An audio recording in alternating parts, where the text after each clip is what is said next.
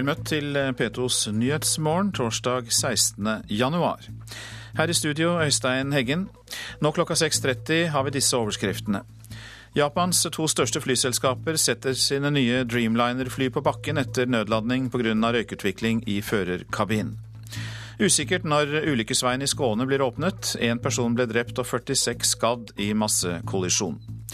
Olje- og energiminister Ola Borten Moe ønsker å starte oljeboring utenfor Lofoten allerede i høst. Slik reagerer SVs Snorre Valen. Han bør styre på vegne av stortingsflertallet, eh, som sier at han ikke skal bore etter olje eh, i Lofoten og Vesterålen. Og så kan han ta seg en kald brus og en runde rundt kvartalet hvis han trenger å kjøle med. Unødvendig vanskelig for utenlandske artister å få visum i Norge, mener norske festivalarrangører.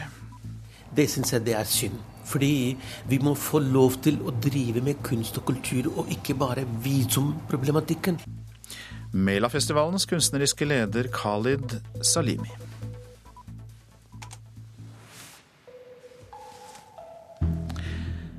Det er uh, umulig å si når uh, Tanarpsbroen i Skåne i Sverige vil åpne igjen etter at 100 biler var involvert i en kjedekollisjon i går. En person ble drept og 46 skadd da dårlig sikt og høy fart på glatt føre førte til den store kollisjonen. Ola Nilsson er pressetalsmann i det svenske Trafikkverket, og sier det er fare for at broen ikke kan åpnes på en god stund. Det finnes en risk for det. det sannolikt så er det skader åtminstone på rekken og kanskje på veibanen. Og sen må vi naturligvis også inspektere om det finnes skador på bron som kan påverka bärighet og alt sånt innan vi, vi kan slippe på trafik. Og fram til det så leder vi om trafiken via andre veier. Hele natta har bergingsmannskapet arbeid på staden der kring 100 kjøretøy var involverte i en massekollisjon i går formiddag. Kring 50 store lastebiler og 50 mindre biler må fjernes, noe som gjør at arbeidet med å få undersøkt brua ikke vil bli gjort før tidligst i morgentimene i dag. Onsdag morgen, om eh, man har fått bort tilrekkelig mange fordon, så kan vi gjøre en besiktning av veien og se eh, når det skulle være mulig å åpne den. Det har vi ingen oppfatning om nå. Det kan være skader både på veien og rekken, og just nå er den altså blokkert av, av fordon. Ola Nilsson i svenska Trafikkverket til Katrine Nybø. Reporter Olav Døvik, du er ved ulykkesstedet. Hvordan går oppryddingsarbeidet? Her er veien fortsatt stengt i begge retninger. Det har foregått rydding i hele natt av politiet og redningsfolk. Og det er disse store vogntogene som er den store utfordringen. Disse har vært fullasta, mange av dem med grus. Som har stått delvis oppå hverandre, hengt over rekkverket. Og det har vært en stor utfordring å, å få disse vekk. Og det er slik at åpningen av veien Det kan ta tid før det skjer? Det kan ta tid, og, og, politiet sier også at de må jo undersøke om broen har fått skader, om rekkverket er helt. Her er det vært store krefter i sving, og, og disse bilene har jo kjørt inn i, i broen flere steder. Nå ble jo antall drepte heldigvis nedgradert, og nå er det da meldt om én drept. Men det er mange skadd? Ja, det er 46 som skal ha blitt skadet i denne ulykken. Mange av de skal ha fått bruddskader. Det er ingen av dem som har livstruende skader, men det skal være fire alvorlig skadde i denne ulykken. Vet du noe om årsaken? Går det an å si noe om det på det nåværende tidspunkt? Ja, det, det er, kan være flere årsaker her. Det, dette er et sted, det er en bru som går over et vann, og, og der er det vært kjent for de som bor rundt her at det fort kunne bli veldig glatt. I tillegg så var det tett tåke da ulykken skjedde. Og så mener politiet at her har bilistene kjørt altfor fort på denne motorveien, sånn at det ikke har tatt hensyn til, til vær og føre. Takk skal du ha, Olav Døvik, som altså rapporterte fra ulykkesstedet i Skåne. Japans to største flyselskaper har satt alle sine nye Dreamliner-fly på bakken. Det skjer etter at et fly måtte nødlande i natt pga. røykutvikling. Nødlandingen er den siste i rekken av problemer med Boeings nye superfly.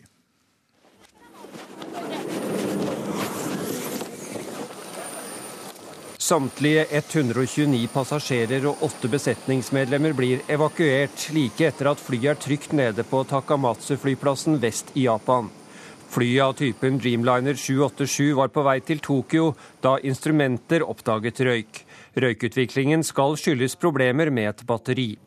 Flyselskapet All Nippon Airways, som eier flyet, som måtte nødlande i natt, setter alle sine 17 Dreamliner-fly på bakken for sikkerhetssjekk. Det gjør også Japan Airlines med sine sju fly. Japanske transportmyndigheter sier røykutviklingen og nødlandingen var en alvorlig hendelse som kunne ha ført til en ulykke. De siste dagene har det vært flere episoder med Boeings nye superfly, sprekk i en cockpitrute, oljelekkasje, batteribrann og problemer med bremsene. Også Air India Streamliner skal nå sjekkes av indiske luftfartsmyndigheter, og den amerikanske føderale luftfartsmyndigheten opplyser at den følger situasjonen nøye. Norwegian har bestilt totalt åtte fly av typen Boeing 787 Dreamliner for å benytte disse på sine nye langdistanseruter til Bangkok og New York, som skal starte opp i slutten av mai. Selskapet sa senest i forrige uke at det har full tiltro til Boeing, og vet at problemene blir tatt på alvor. Norwegian har ingen grunn til å tro at dette vil bety forsinkelser i levering av flyene. Det sa reporter Tom Ingebrigtsen. Olje- og energiminister Ola Borten Moe ønsker å starte oljeboring utenfor Lofoten allerede i høst. Det sier han til tross for at regjeringen har fredet området ut denne stortingsperioden. Nå må Borten Moe roe seg ned og forstå at han ikke kan ytre sine personlige meninger i en så kontroversiell sak, sier Snorre Valen fra SV. Jeg foreslår å gå videre i et område som denne regjeringa har valgt å eh, ikke gå videre i nå. Når kan en begynne? Neste stortingsperiode vil da kunne være mulig, og den eh, starter som kjent eh, mot av dette året. Borten Moe vil ikke bore i hele det omstridte området, bare i deler av det. Det kommer ikke på tale, svarer Snorre Valen i SV, som mener oljeministeren må roe seg ned. Han bør styre på vegne av stortingsflertallet, eh, som sier at han ikke skal bore etter olje eh, i Lofoten og Vesterålen. Og så kan han ta seg en kald brus og en runde rundt kvartalet, hvis han trenger å kjøle med. Oljeministeren møter ikke bare motbør jo regjeringspartneren, heller ikke i eget parti, Senterpartiet, har han stor støtte. I forslag til nytt partiprogram går de nemlig inn for å verne hele området, også neste stortingsperiode. Jeg tror vi kommer til å få en uh Eh, skikkelig diskusjon rundt dette her eh, også i Senterpartiet. Borten Moe vil altså jobbe for en snuoperasjon i eget parti på landsmøtet til våren. Snorre Valen mener oljeministeren bør holde meningene sine for seg sjøl. Det er litt spesielt at en, eh, at en statsråd ytrer sine personlige meninger på sida av det som er regjeringas politikk, og spesielt i en så omstridt sak som oljevirksomhet i Lofoten og Vesterålen. Regjeringa og Stortinget har bestemt at vi ikke skal bore etter olje der, og da forutsetter jeg at alle statsrådene står inne for det og innslaget var laget av Astrid Randen. Temperaturen kan komme til å krype ned mot 40 minusgrader enkelte steder på Østlandet. Det har vi hørt fra værtjenesten Yr denne uka. Nå har vi med oss reporter Geir Olav Slåen i Folldal i Nord-Østerdal. Og hvor kaldt er det? Nei, I dag er det ikke noe mye kaldt. Det er bare 25 minusgrader, og det er lite å regne nå i disse tider. Men du, hva er værvarselet for ditt område? Nei, de jeg var inne på nå, de spår eh, ca. 30 og 35 grader. da. Men eh, det som gjorde at det ble mildt nå, det er at det kom et skylag nå i natt som har trukket over, og da blir det atskillig mildere. Reddet av skylaget altså, Geir Olav? Ja, i dag så er vi redda av det, og nå ser det vel ut til at det kanskje er i ferd med å, å snu litt og skal bli en mildere periode. Men dere er vel eksperter på å klare å holde temperaturen oppe uansett hvor kaldt det blir, så eh, gi oss noen gode tips. Det er kaldt flere steder i landet, vet du. Nei, altså sjøl så må man jo bare kle seg deretter. Ha på seg godt med ullundertøy og, og, gode ytterklær, så er det ikke noe problem å fungere ned til 30-35 grader. Og når det gjelder biler, så må man bare ha ordentlig service på dem og ha gode batterier. og hvis det er dieselbiler, så må man ha gode dieselfilter og, og slik. Så det er, det er, rett og slett bare å ta forholdsreglene, og det er oss vant oppi her, for dette skjer stort sett hver vinter. Så dere tar dette med ro, Geir Olav Slåen, mens vi andre kanskje blir litt eh, ja, engasjert når eh, det blir kaldere enn vi er vant til? Ja, Det er klart det opptar oss vær oppi her òg, men vi er vant til å klare oss i 30-35 kaldegrader. Og det blir ikke fort ned mot 40 år på de ekstreme periodene. Så det er, det er ikke noe, noe, spesielt, dette her. Det er bare at det er, det er litt tyngre, og en må, må ta flere forholdsregler for alt en skal gjøre. Men oppsummert så er det da kanskje slik at uh, likevel ikke blir ned mot 40 grader i denne omgang? Nei, altså hvis det, hvis det er slik som værmeldingene er nå, da, og med at vi har fått et skylag som har trukket over, så blir det ikke noe, noe 40 nå. Det gjør det ikke. Takk skal du ha, Geir Olav Slåen, som var med oss da fra Folldal i eh, Nord-Østerdal. Værforholdene på Gardermoen er et stort problem for politihelikoptre. I vintermånedene er beredskapen av og til halvert, skriver Aftenposten. Tall fra politiet viser at helikoptertjenesten i snitt har hatt en årlig nedetid på mellom 10 og 15% pga. været. Hovedproblemet er innlandsklimaet på Gardermoen kombinert med fuktighet fra Hurdalssjøen og fra Mjøsa. I fjor ga regjeringen klarsignal til et eh, beredskapssenter med helikopterbase som skal bygges på Alnabru i Oslo, men det kan ta flere år før det er på plass. Representantenes hus i Washington har sagt ja til ytterligere krisehjelp til ofrene for orkanen Sandy. De folkevalgte stemte over en pakke med totalt 51 milliarder dollar i økonomisk hjelp. 120 personer omkom, og titusenvis av hjem og forretninger ble ødelagt i stormen, som herjet østkysten av USA, som vi husker. Det var da i oktober og november i fjor. USAs myndigheter tilbakeviser rapporter om at kjemiske våpen skal ha blitt tatt i bruk i borgerkrigen i Syria. Rapportene vi har sett i mediene om angivelig bruk av kjemiske våpen i Syria, stemmer ikke overens med det vi mener er tilfellet. Det sier Tommy Wheater, talsmann for Det nasjonale sikkerhetsrådet i Det hvite hus. Uttalelsen kommer etter rapporter i magasinet Foreign Policy om at det amerikanske utenriksdepartementet skulle ha ment at det syriske forsvaret brukte giftgass i et angrep i desember, men det blir altså da avkreftet fra Det nasjonale sikkerhetsråd i Det hvite hus. Nå til det avisene skriver i dag. Vil gi brystkreftmedisin til friske kvinner, skriver VG. Britiske kvinner kan få kreftmedisin selv om de er friske, fordi den kan beskytte dem i opptil 20 år og senke risikoen for kreft med 30% Norske banker anklages for rentejuks, er oppslaget i Aftenposten. Utenlandske storbanker mener norske banker trikser med renten for å tjene penger på andres bekostning. Norges Bank tar anklagene på alvor. Jonas Gahr Støre sier nei til alkohol etter møter med rusavhengige. Det skriver Vårt Land. Helseministeren takker oftere nei til alkohol nå, både privat og i jobbsammenheng. Flytvelgerne som Arbeiderpartiet vil ha, bryr seg ikke om politikk. De er skeptiske til innvandring og har god økonomi, forteller Klassekampen. Valgkampen i år står om velgergruppa mellom Høyre og Arbeiderpartiet. Drittsaker ødela for Arbeiderpartiet i 2012 er oppslaget i Dagens Næringsliv, som lister opp tolv vriene saker fra fjoråret, og Trond Giske var involvert i fire av dem. Nytt bygg ble lovet i 1993, men i 2013 er det fortsatt ingen vedtak, ingen penger og ingen nybygg, skriver Adresseavisen. Østmarka psykiatriske sykehus i Trondheim er trangt, gammelt og nedslitt. Tvangsinnlagte pasienter er blitt plassert på dobbeltrom. Leieboerforening fikk ulovlig støtte, skriver Bergens Tidende. Advokater har betalt honorar til Leieboerforeningen for å henvise klienter til dem. Suspekt praksis, mener Forbrukerrådet. Ordningen er gunstig for leieboerne, og vi hadde ikke eksistert uten disse honorarene. Det sier foreningens leder, Stig Høysæter. Dagsavisen forteller om to tvillingbrødre fra Afghanistan som kom til Norge med ett års mellomrom.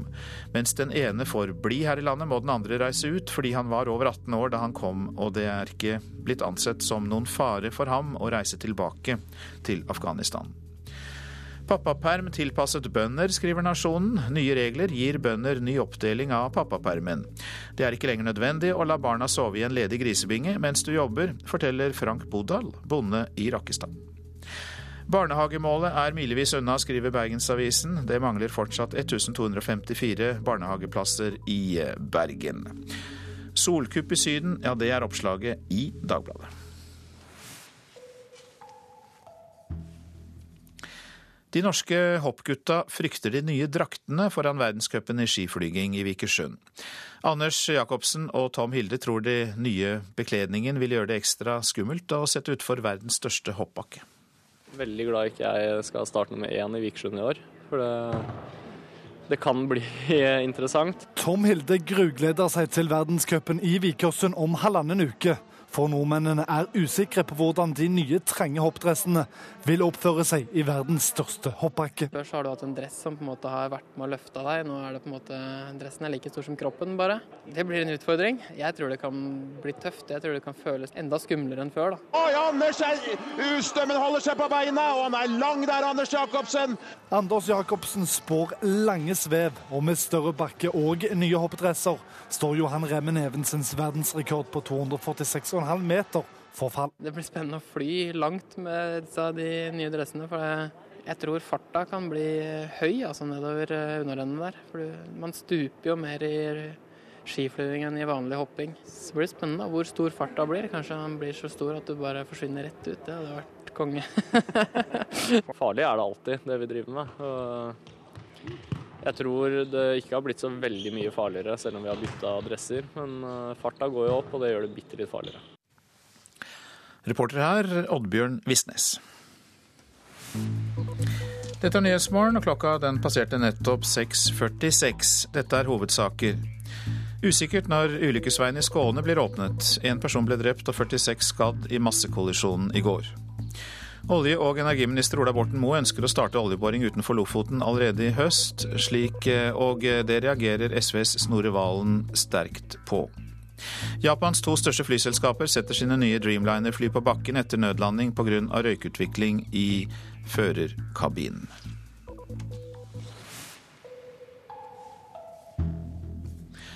Gymlærere skal kurses i å avdekke seksuelle overgrep. På Høgskolen i Hedmark holdes seminar for kommende gymlærere for å gi dem kunnskap om å se signaler fra barn som blir utsatt for overgrep. Seminaret er et av mange arrangementer som holdes av Senter mot incest og seksuelle overgrep. Eh, jeg var utsatt for seksuelt overgrep da jeg var 17 år, så jeg gikk på videregående. Um, og det tok jo egentlig lang tid før jeg på en måte skjønte egentlig hva som hadde skjedd, eller jeg hadde noe ord på det. da. Eva Sperre Stokke Kreft holdt på sin hemmelighet i over ett og et halvt år før hun fortalte noen om overgrepet. Nå er hun på Høgskolen i Hedmark sammen med Senter mot incest og seksuelle overgrep for å fortelle framtidige gymlærere hvor viktig de er for å avsløre overgrepene. Og når jeg kom i tredje klasse og var ferdig med russetid og ferdig med videregående, så, eh, så klarte jeg endelig å si noe om det til en lærer. Og det er litt sånn som med den læreren her, som det er med andre mennesker, at uh, noen bare har det. Det er noen du vet at du kan stole på. Hun er henta inn for å gi overgrep et ansikt, og håper det kan få flere til å forstå. Jeg syns det er faktisk ganske givende og viktig å være med ut. For hver gang vi er med ut, så har vi kanskje nådd 30-60 nye mennesker. Um, og de vet mer hva seksuelle overgrep er, da. Jeg tror det er mye uvitenhet ute og går. Og det er denne uvitenheten og usikkerheten de er ute etter å gjøre noe med. Som en del av opplegget skal studentene både se film og jobbe i grupper. Etter seminaret skal de vite hva de kan gjøre dersom de møter elever utsatt for seksuelle overgrep. Det jeg håper er at vi skal ha Jeg liker ordet istandsette. Også at de er, føler seg tryggere, eh, og at de våger å faktisk se at det kan også dreie seg om seksuelle overgrep. For jeg tror at vi kan nesten ikke klare å ta inn over oss at voksne kan finne på å utnytte barn seksuelt. Det tror jeg er folk flest eh, vil ikke at det skal skje. Det sier Heidi Dalby. Hun er ansvarlig for kurset som holdes på høyskolen. Vi som jobber med barn og ungdom, når man velger å være lærer, så må man ta de ubehagelige sidene av det. Eh, føle seg trygge på, ha kunnskap om Um, hva tenker vi nå? Har vi en beredskapsplan på skolen? Etter besøket på høyskolen har Heidi Dalby og Eva Kraft gitt 60 kroppsøvingsstudenter en tankevekker. Ganske mange måter og ja, nye, nye tegn å se etter. Da. Som ikke jeg har tenkt over i det hele tatt. Så du tenker at det er nyttig? det? Ja, kjempenyttig. Det er jo mye sterke inntrykk, i hvert fall når du ser film og hører historier. da av erfaringer som hun sjøl har opplevd. Som eh, setter jo, setter jo inntrykk og ting i perspektiv. Da. Over hvor, eh, hvor tøft og hvor brutalt det kan være. Sterke, men nyttige inntrykk som studentene Jan Skogstad og Alexander Næss fikk. Reporter var Martin Andersson. Kunne du tenke deg å reise med luksusbuss? Ja, hvem vil ikke det? Men det holder faktisk at du er pasient på vei til Universitetssykehuset i Tromsø. Fem dager i uka går nemlig den nye Helseekspressen fra Narvik til Tromsø. Og vi går om bord for å undersøke vidunderet til over fem millioner kroner. Se for deg at du står på en bussholdeplass i Narvik og heter Bjørn Gravdal. Du er pasient og skal reise i fire timer til sykehuset i Tromsø. God morgen, god morgen, midt i natta. Når du kommer inn på bussen, får du deg en stor overraskelse. Først går du forbi ei lang rekke med seter i semska skinn. God morgen, god morgen. God morgen, god morgen. Det var Gravdal. Ja. ja. Midt i bussen sitter en egen vert som gir deg kaffe, og inviterer deg med enda lenger bak. Der er det nemlig regulerbare skinnstoler i beste stressress-standard. Det der, ja. Se der, ja. Nå kan jeg jo sove helt til Kirkenes. Selv om man stopper dessverre i Tromsø. Vi sitter på den nye pasientbussen til Universitetssykehuset i Tromsø. Den såkalte Helseekspressen som starta opp 2.1. Jeg stortrives. Ja, nei, det, er, det er jo som å komme inn i et lite luksusland med limousinstandard omtrent. 5,5 millioner kroner koster bussen i innkjøp. Og de dyreste setene, ja 60 000 kroner stykket. Bussen den kjøres på anbud for UNN pasientreiser, forteller fungerende avdelingsleder Bernt Nerberg. Det er et, eh, et tilbud på høyde med drosje, og kanskje til og med bedre. Vi håper at vi kan spare millionbeløp på, på dette. da. Det blir ikke litt eh, vel luksuriøst, da? Nei, vi vil jo gi eh, ekstra god kvalitet til pasientene. Det er jo det, er det beste av eh, komfort som kan leveres i en buss faktisk på dette nivået. Nei, du setter rett opp her. Vi er kommet til Buktamoen i Målselv. Pasienter som skal med videre nordover, kommer på, mens de som sitter lengst bak, rett og slett har duppa av. Det er ikke første gang, ifølge bussvert Knut Stene. Det skjer titt og ofte. Senest i går faktisk, så måtte jeg vekke ham. Han sovna faktisk før vi kjørte fra, fra Tromsø. Så han kom til Antselv, så måtte jeg gå bak og vekke ham. Han skjønte ingenting. For de som er våken, viser TV-monitorer over hele bussen direktebilder av veien. Dette skal være med på å begrense reisesyke. Nå viser skjermen at vi svinger opp mot sykehuset i Tromsø. Turen for denne gang er snart over, men ifølge avdelingsleder Nerberg kan det kanskje bli flere slike pasientbusser i fremtida. Det får vi ta en vurdering på etter hvert. Vi, vi, vurderer jo løpende hvordan vi skal drive pasienttransporten. og Det med å bruke større enheter med god kvalitet, det har vært fokus for oss allerede en stund, og det vil vi satse på fremover også. Bjørn Gravdal mener det er viktig at flere benytter seg av dagens tilbud. Nei, Det er så tilfreds med det tilbudet her, og jeg håper bare at veldig mange kan oppdage det, og at man benytter det, at det ikke blir tatt fra oss. Så jeg oppfordrer alle som kan å bruke helsebussen.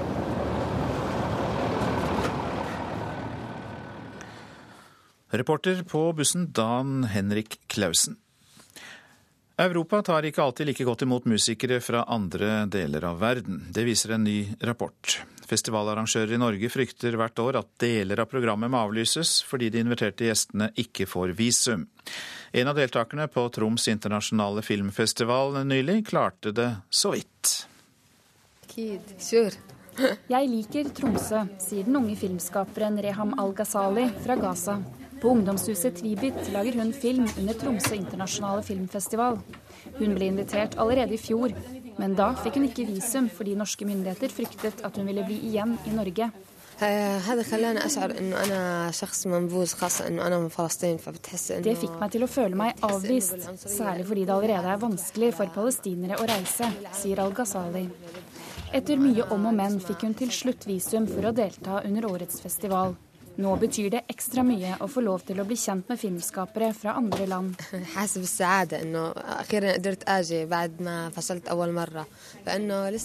En ny rapport viser at visumproblemene gjelder hele Europa. Organisasjonen On the Move, som jobber for å fremme kultur over landegrensene, har spurt 88 kulturarbeidere fra land utenfor EØS om deres erfaringer med å søke visum til Europa. Mange melder om et ublidt møte med ambassadene. Det er lange ventetider og dyre avgifter. Noen føler seg også ydmyket av mistroiske myndigheter. 2000 kunstnere gjennom ti år. Velkommen til Mela. Plakaten til musikkfestivalen Mela i Oslo viser artister fra hele verden. Men hvert år har flere av de inviterte musikerne vansker med å få visum, sier festivalsjef Khalid Salimi. Det er en problemstilling som har blitt en del av Mela-festivalens eh, arbeid. Det syns jeg det er synd. Fordi vi må få lov til å drive med kunst og kultur, og ikke bare visumproblematikken. Riktignok får 95% av søkerne til Norge innvilget visum til slutt. Men prosessen er unødvendig tung, mener organisasjonen Norske Festivaler, som representerer 80 festivaler. Det oppleves eh, som vanskelig. Det sier daglig leder Anders Rykkja. Norske festivaler har tatt opp problemstillingen i en årrekke. I 2007 sluttet Norge seg til en Unesco-konvensjon som forplikter oss til å legge til rette for at kulturarbeidere kan komme til landet. Men det har ikke blitt noe enklere, sier Rykkja. Jeg føler vel etter fem år at man nå bør i hvert fall kunne komme så langt at man bør kunne klare å få på plass et nytt regelverk for kulturpolitikken sin del, så vil vi være et fattigere land hvis det skal gjøres unødvendig vanskelig for artister og utøvere å komme hit. Men leder for visumsaker i Utlendingsdirektoratet, Hanna Krange, mener at dagens regelverk fungerer godt. Det er aldri bra nok så lenge det er sånn at, eh, at noen er misfornøyd med oss. Eh, men eh, tallene våre viser jo helt klart at, at de aller, aller fleste vil være fornøyd, fordi sakene behandles på veldig kort tid, og de, de aller fleste sakene innvilges. Hvis vi blir gjort oppmerksom på at det er noe som haster spesielt mye, så vil vi alltid prioritere uh, saker for at potensielle søkere skal få komme til, uh, til Norge, så de rekker de arrangementene de, de ønsker å komme, komme inn på. Reportasjen var laget av Ida Kvittingen. Ved bruk av tang har forskere ved NTNU i Trondheim utviklet en teknologi som kan forlenge holdbarheten og minske bakterieveksten i mat, skriver Adresseavisen. Forskerne har sammenlignet mat som er blitt sprayet med et belegg laget av tang, og mat som ikke er blitt behandlet, og det ble registrert en klar forskjell i bakterievekst. Tangsprayen skal være mer eller mindre smakløs, ifølge forskerne. Så til et eh, værvarsel fram til midnatt. Fjell i Sør-Norge, stort sett pent vær, men i østlige fjellområder perioder med skyer. Østlandet skyet eller delvis skyet, litt snø av og til, vesentlig i østlige områder. Vest-Agder, Aust-Agder og Telemark for det meste lettskyet pent vær. Nær kysten mulighet for litt snø av og til. Rogaland i kveld utrygt for enkelte snøbyger på kysten i nord, ellers opphold. Hordaland og Sogn og Fjordane fra i formiddag sørlig liten kuling ved Stad. Enkelte snøbyger på kysten, i indre strøk stort sett pent vær. Så tar vi for oss Møre og Romsdal og Trøndelag. Liten kuling i Trøndelag. Først på dagen utrygt for snøbyger på kysten av Sunnmøre. Ellers stort sett pent vær. Nordland. På Helgeland sørøst liten kuling, ellers øking til sørvestlig bris på kysten. I kveld liten kuling i nord. Oppholdsvær i sør pent vær. Så var det Troms. Liten kuling og enkelte regn- eller sluddbyger på kysten, ellers opphold. Finnmark får skyer på vidda, ellers stort sett pent vær. Fra i formiddag vestlig stiv kuling utsatte steder. Snø- og sluddbyger i kyststrøkene. I kveld blir det regnbyger vest i Finnmark, ellers blir det oppholdsvær. Lokal tåke på vidda. Så var det Nordensjøland på Spitsbergen. Der blir det oppholdsvær, kort og godt. Så tar vi temperaturene som ble målt klokka fire i natt. Svalbard lufthavn minus fire. Kirkenes er nede i minus 22. Vardø minus fem. Alta minus elleve. Tromsø-Langnes minus to. Bodø minus tre. Brønnøysund minus én. Trondheim-Værnes minus elleve. Så var det Molde, der var det minus ni grader. Bergen-Flesland minus fire. Stavanger minus seks. Kristiansand-Kjevik minus ni. Gardermoen minus 14 grader, Lillehammer minus 20 grader, og rekorden har vel Røros nok en gang, med minus 23 i dag. Og Oslo-Blindern hadde minus 10 grader da klokka var fire i natt.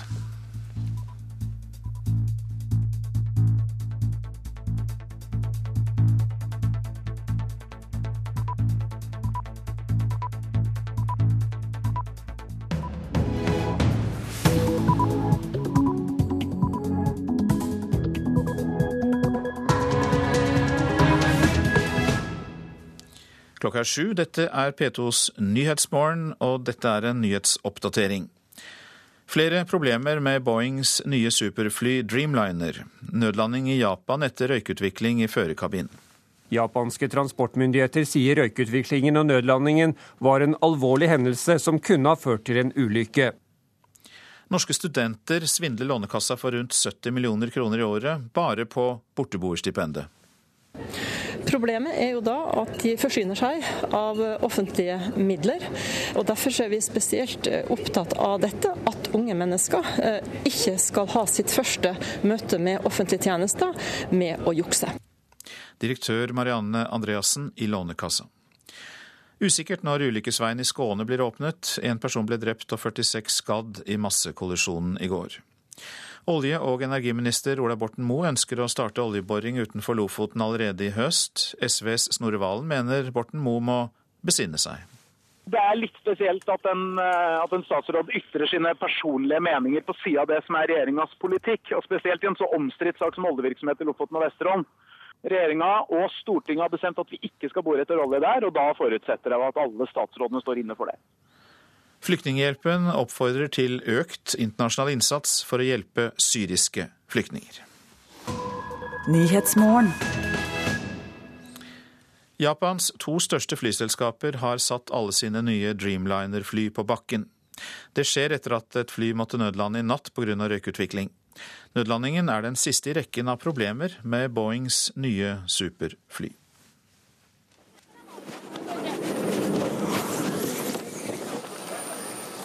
Samtlige 129 passasjerer og åtte besetningsmedlemmer blir evakuert like etter at flyet er trygt nede på Takamatsu-flyplassen vest i Japan. Flyet av typen Dreamliner 787 var på vei til Tokyo da instrumenter oppdaget røyk. Røykutviklingen skal skyldes problemer med et batteri. Flyselskapet All Nippon Airways, som eier flyet som måtte nødlande i natt, setter alle sine 17 Dreamliner-fly på bakken for sikkerhetssjekk. Det gjør også Japan Airlines med sine sju fly. Japanske transportmyndigheter sier røykutviklingen og nødlandingen var en alvorlig hendelse som kunne ha ført til en ulykke. De siste dagene har det vært flere episoder med Boeings nye superfly, sprekk i en cockpitrute, oljelekkasje, batteribrann og problemer med bremsene. Også Air India Streamliner skal nå sjekkes av indiske luftfartsmyndigheter, og den amerikanske føderale luftfartsmyndigheten opplyser at den følger situasjonen nøye. Norwegian har bestilt totalt åtte fly av typen Boeing 787 Dreamliner for å benytte disse på sine nye langdistanseruter til Bangkok og New York, som skal starte opp i slutten av mai. Selskapet sa senest i forrige uke at det har full tiltro til Boeing, og vet at problemene blir tatt på alvor. Norwegian har ingen grunn til å tro at dette vil bety forsinkelser i levering av flyene. Reporter Tom Ingebrigtsen. Arbeidere har jobbet i hele natt med å rydde opp etter massekollisjonen i Sør-Sverige. En person ble drept og 46 personer skadd i kollisjonen på en bro nord for Helsingborg. Rundt 100 kjøretøyer var involvert i kollisjonen, og reporter Olav Døvik er på stedet. Her er eh, veien eh, fortsatt eh, stengt i begge retninger. Det har foregått rydding i hele natt av politiet og redningsfolk. Og det er disse store vogntogene som er den store utfordringen. Disse har vært fullasta, mange av dem med grus. Som har stått delvis oppå hverandre, hengt over rekkverket. Og det har vært en stor utfordring å, å få disse vekk. Og det er slik at åpningen av veien Det kan ta tid før det skjer? Det kan ta tid, og, og, politiet sier også at de må jo undersøke om eh, broen har fått skader, om rekkverket er helt. Eh, her er det vært store krefter eh, i sving, og, og disse bilene har jo kjørt inn i, i broen flere steder. Ja, det sa Olav Døvik til meg like før vi gikk på lufta. Norske studenter svindler Lånekassa for rundt 70 millioner kroner i året bare på borteboerstipend. Mange som bor hos mor og far sier at de bor på hybel. Slik får de i gjennomsnitt omgjort nesten 30 000 kroner i året til stipend. For det er jo bare å oppgi en annen adresse til foreldrene til en venn eller et eller annet. ikke sant? Det er jo ikke noe Det er ikke så vanskelig å gjøre det. Og jeg tror de fleste sitter med en tanke om at det er en liten sjanse for å bli tatt for det også. Sier pedagogikkstudenten Joshua Skidmore Hornby. Han sitter sammen med en kamerat på studentkantina Fredrikke ved Universitetet i Oslo og prater, mens de begge spiser niste som de har smurt med seg hjemmefra. Likevel er ikke studenttilværelsen så fattigslig at det er nødvendig å jukse, mener han. Nei, ikke i det hele tatt. Og hvis du bor hjemme hos foreldrene dine, så får du sannsynligvis gratis mat og alt mulig, og da er du i hvert fall ikke behov for å gjøre det. Da er det bare å skaffe seg en deltidsjobb. 1000 studenter ble kontrollert i fjor. Av dem var det 45 som ikke kunne dokumentere at de bodde borte. Direktør Marianne Andreassen i Lånekassa sier det er viktig å avsløre jukset av to årsaker. Problemet er jo da at de forsyner seg av offentlige midler. Det vi også legger stor vekt på fra Lånekassas side, er jo at Lånekassa ofte er befolkningens første møte med offentlige tjenester. Og Derfor er vi spesielt opptatt av dette, at unge mennesker eh, ikke skal ha sitt første møte med offentlige tjenester med å jukse. Det er altså svært enkelt å svindle med borteboerstipendet. Det er fordi Denne ordningen er basert på tillit. Sier Marianne Andreassen. Hun er likevel ikke sikker på om hun vil gjøre det vanskeligere å svindle Lånekassa. Eh, vi jobber kontinuerlig med å se på tiltak som kan eh, eh, gjøre det vanskeligere å jukse. Men vi må også huske på at de aller fleste, den store massen av studenter, er ærlige. Så vi er veldig varsomme med å iverksette tiltak som f.eks. rammer de som også er ærlige. Så her er det en avveining når det gjelder å se på hva slags tiltak vi iverksetter i forhold til å ikke skal gjøre ordningene vanskeligere for det store flertallet av studenter som er ærlige. På studentkantina Fredrikke er litteraturstudent Ane Nilsen enig i at det er greit at jukserne blir tatt. Det er jo ikke sånn at man ruller seg i luksus med de pengene man får fra Lånekassa. Så det er jo litt dumt at noen på en måte snylter på det, da. Siden de bor gratis hos foreldrene sine. Man sparer jo veldig mye penger på det. Og siden det er så dyrt å bo i Oslo, så bruker jo stort sett hele studielånet og gå til husleia, nesten. Reporter var Arild Svalbjørg. God morgen til deg, Øyvind Berdal. God morgen. Du er leder av Norsk studentorganisasjon. Dermed er du den øverste tillitsvalgte for studentene i Norge. Hva kan du gjøre med dette? Jeg kan ikke gjøre så mye med dette, men jeg kan si at eh, det som er viktig å få fram her, er at 96 av, eh, av de som er sjekka, eh, faktisk kan dokumentere at nettopp at de bor borte og har rett på å få omgjort lånet sitt til, til stipend. Men hvis ikke dere i Norsk studentorganisasjon kan gjøre det, hvem kan da gjøre noe med det? Nei, men Det handler om at dette er velferdsordninger, og da vil du alltid ha en viss risiko for, for svinn. Og, og man skal ikke eh, lyve når det kommer til eh, velferdsordninger. Eh, og det er viktig at man fortsetter fra Lånekassas side å gjennomføre disse kontrollene. For dette går jo på bekostning av de 96% studenter som faktisk er etterrettelige av de 1000 som er spurte. Er det noen forståelse i din organisasjon for at det skjer? Det er ingen forståelse for at det skjer. Altså, man, man skal ikke eh, gjøre slike ting med velferdsordninger. Eh, men det er viktig å, å, fokusere på nettopp det at 96 er, eh, følger eh, loven og følger eh, når det er kontroller. Eh, og så må man heller si at dette går på bekostning av nettopp de som, som faktisk har rett på, på disse typene ordninger. Det er veldig mye penger som forsvinner eh, i dette sluket. Det har de funnet ut nå. Altså 70 millioner kroner eh, kan være svindlet på dette borteboerstipendet. Hva tror du om risikoen for at eh, hele den stipendordningen forsvinner og blir erstattet med en annen ordning som er eh, lettere å kontrollere? Dette er en ordning som er veldig viktig for vårt utdanningssystem, som er veldig viktig for, eh, for velferdsstaten. Og, og, at 96% faktisk svarer, eller kan dokumentere at de faktisk bor borte, er, veldig positivt. Så vil det som sagt alltid være svinn når det kommer til slike velferdsordninger. Og så handler det da om at man jobber med holdninger, at man jobber med at faktisk man kan dokumentere at man, at man bor borte. Jeg begynte med å spørre deg, Øyvind Berdal, om du kunne gjøre noe med det. Jeg lurer på om jeg skal stille spørsmålet en gang til. For jeg, jeg mener jo at du kan jo som øverste tillitsvalgte for studentene også bidra til å påvirke studentene til ikke å svindle. Definitivt. Og, det er jo en oppfordring selvfølgelig til å, til å ikke svindle. Eh, men en skal huske på her at det store flertallet, og det gir et litt skjevt bilde av virkeligheten, å trekke fram de fire prosentene som, som, faktisk eh, vil, vil, eh, ikke kan dokumentere dette. Dette handler om, om velferdsordninger som i det store og hele, og studenter som kan stoles på. Det er veldig viktig å fokusere på eh, i en, en slik sammenheng. Takk skal du ha, Øyvind Berdal, som altså er leder av Norsk studentorganisasjon. Olje- og energiminister Ola Borten Moe ønsker å starte oljeboring utenfor Lofoten allerede i høst. Det sier han til tross for at regjeringen har fredet området ut denne stortingsperioden. Nå må Borten Moe roe seg ned og forstå at han ikke kan ytre sine personlige meninger i en så kontroversiell sak. Ja, det sier Snorre Valen fra SV. Jeg foreslår å gå videre i et område som denne regjeringa har valgt å eh, ikke gå videre i nå. Når kan en begynne? neste stortingsperiode vil da kunne være mulig, og den eh, starter som kjent eh, mot slutten av dette året. Borten Moe vil ikke bore i hele det omstridte området, bare i deler av det. Det kommer ikke på tale, svarer Snorre Valen i SV, som mener oljeministeren må roe seg ned.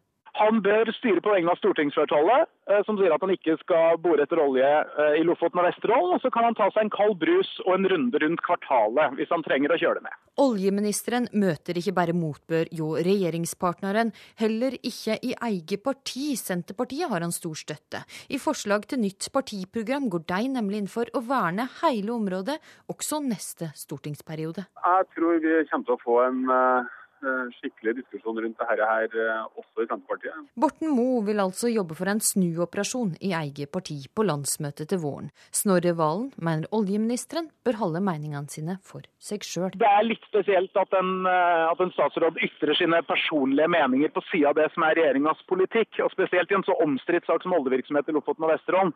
Regjeringa og Stortinget har bestemt at vi ikke skal bore etter olje der, og da forutsetter jeg at alle statsrådene står inne for det. SVs eh, Snorre Valen til slutt der, til reporter Astrid Randen. FN slår alarm om situasjonen i Mali. Over 300 000 mennesker er internt fordrevet som følge av kampene. Flyktningene er også blitt en belastning på nabolandene, og FN ber nå det internasjonale samfunnet om hjelp. 330 000 maliere drevet fra hjemmene sine foreløpig. Jens Lerche, talsperson for OCHA, FNs kontor for koordinering av humanitær innsats, la frem oversikten på en pressekonferanse i Genéve i går kveld. 4.2 millioner Malians vil trenge humanitær hjelp i 2013.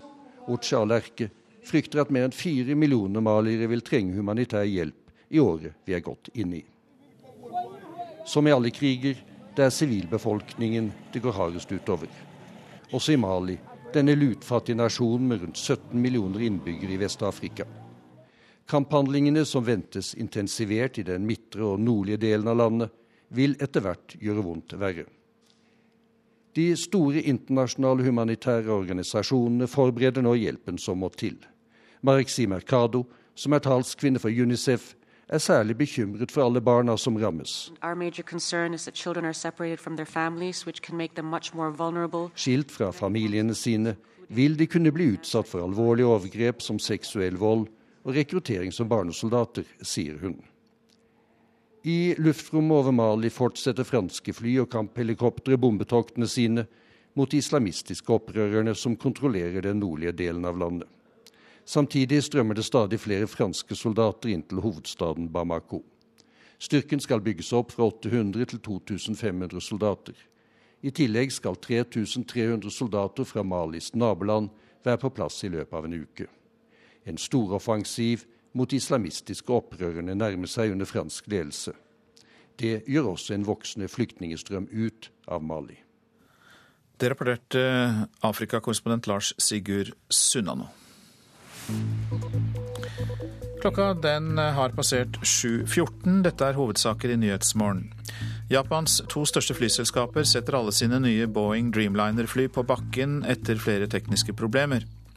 Norske studenter svindler Lånekassa for rundt 70 millioner kroner i året på borteboerstipendet. Usikkert når ulykkesveien i Skåne blir åpnet. En person ble drept og 46 skadd i massekollisjonen i går.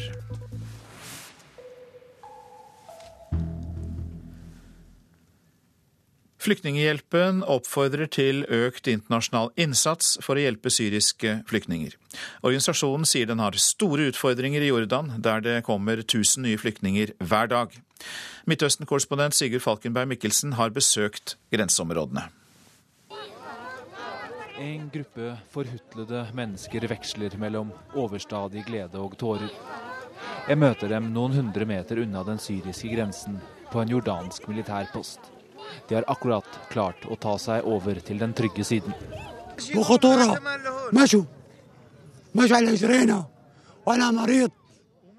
Det var så farlig. Vi gikk. Jeg gikk på bena, og jeg er sliten.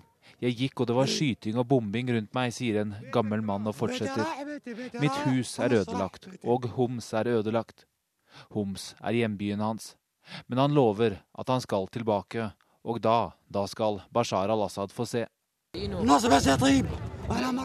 Bare brystet mitt blir bra. Jeg er syk. Bare jeg blir frisk, sier han. En som ikke er redd for å si navnet sitt, er Adam Hussein al-Nouri.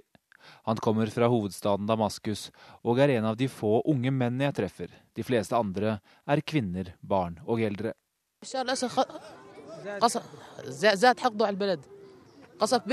Det er ruiner. Det er granater, bomber og jagerfly. Bashar al-Assad sier han slåss mot terroristene, men vi er bare vanlige folk uten våpen. Han sier han slåss mot terrorister. OK, hvis det er folk med våpen, slåss mot dem.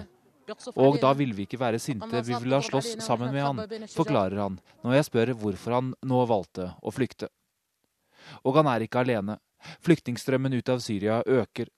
Bare hit til Jordan kommer det om lag 1000 mennesker per dag. Eller riktigere 1000 mennesker per natt, for det er om natten de krysser.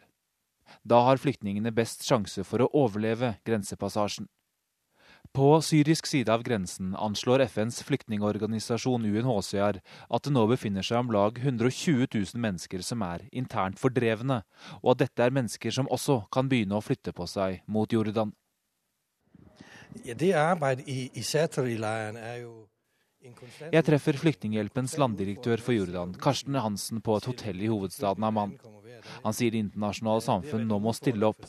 Behovene er store, særlig for varme. Han har bl.a. ansvaret for den store flyktningleiren Saatari. Det, det umiddelbare behovet er å skape øh, varme til folk. Vi driver et, et, et, et oppgradering av teltene, således at man får en varmekilde inn i teltet. Øh, og det er den umiddelbare fokus vi har, det er å skape varme øh, til folk. Øh, og det er jo klart at, at hvis antallet stiger så dramatisk som det gjør, så er det jo en utfordring å ha personale nok, ha materialer nok. Og det ender det hele i et ressursespørsmål. Det ender i et spørsmål om penger. Og, det er jo ekstremt viktig at, at giverlandene de kommer opp nå og, og få de penger på bordet der skal til for å, å møte de utfordringer. Statssekretær i Utenriksdepartementet Torgeir Larsen, du er i Midtøsten igjen og har nettopp besøkt flyktningleirer i Jordan. Nå er du med oss på telefonen fra Libanons hovedstad Beirut. Hvordan lever flyktningene du møtte? Nei, Det er uh, vanskelig. Det er vinter uh, også her. Det er uh, kaldt. og det kommer såpass mange hver eneste natt, som, som ble sagt her i, i reportasjen, at det er vanskelig å, å, å, møte de behovene som er for varme og nok telt som er utrustet hver eneste natt. Så det er nå en, en internasjonal mobilisering som er nødvendig. Den er vi del i. Det er en del av mitt oppdrag her nede. Vi eh, forbereder oss nå på en større giverkonferanse i, i slutten eh, av måneden. Og jeg skal i dag være med på en, eh, en, et seminar sammen med libanesiske myndigheter når, når det gjelder libanesiske flyktninger. Det er da Libanon. Hva er det som bekymrer de nabolandene som tar, dette, tar imot disse flyktningene, da særlig Jordan og Libanon? Det er jo antallet. Eh, det er eh, sin egen stabilitet. Eh, her i, i Libanon har man jo en historie med borgerkrig bak seg. Og redsel for at rett og slett antallet i seg selv, tyngden på det libanesiske samfunnet, skal være med å, å bryte sikkerheten også ned her. Så det er en, en bekymring, samtidig som befolkningene jo stiller veldig opp for å hjelpe. Eh, de aller fleste av eh, flyktningene her i Libanon, også i Jordan, lever jo blant eh, jordanere og libanesere som vertsfamilier. Du nevnte dette med en giverkonferanse, Torgeir Larsen, og Norge skal jo bidra. Hva kan Norge bidra med først og fremst? Vi bidrar på to områder særlig. Det er altså penger, finansiering av flyktningoperasjon. F.eks. i Flyktningrådet, som vi har hørt i reportasjen, som er viktig drifting av, av hovedleiren der, er i hovedsak finansiert av, av Norge. Det gjør nabolandene. Og så er det den største biten, som er på mange måter det mest vanskelige, men også ekstremt viktig, det er å få inn hjelp til Syria gjennom ulike kanaler. Det er medisiner, det er ulike former for humanitær bistand. Jeg møtte i går representanter for mange lokalråd inne i Syria, som da kom til Jordan og møtte meg der. Og Deres beskrivelse av behovene er, er enorme. Det går alltid fra Eh, medisiner, men også mye til eh, instrumenter, redskaper, eh, verktøy, maskiner for å kunne rydde området, søke etter, etter, etter savnede, slukke branner.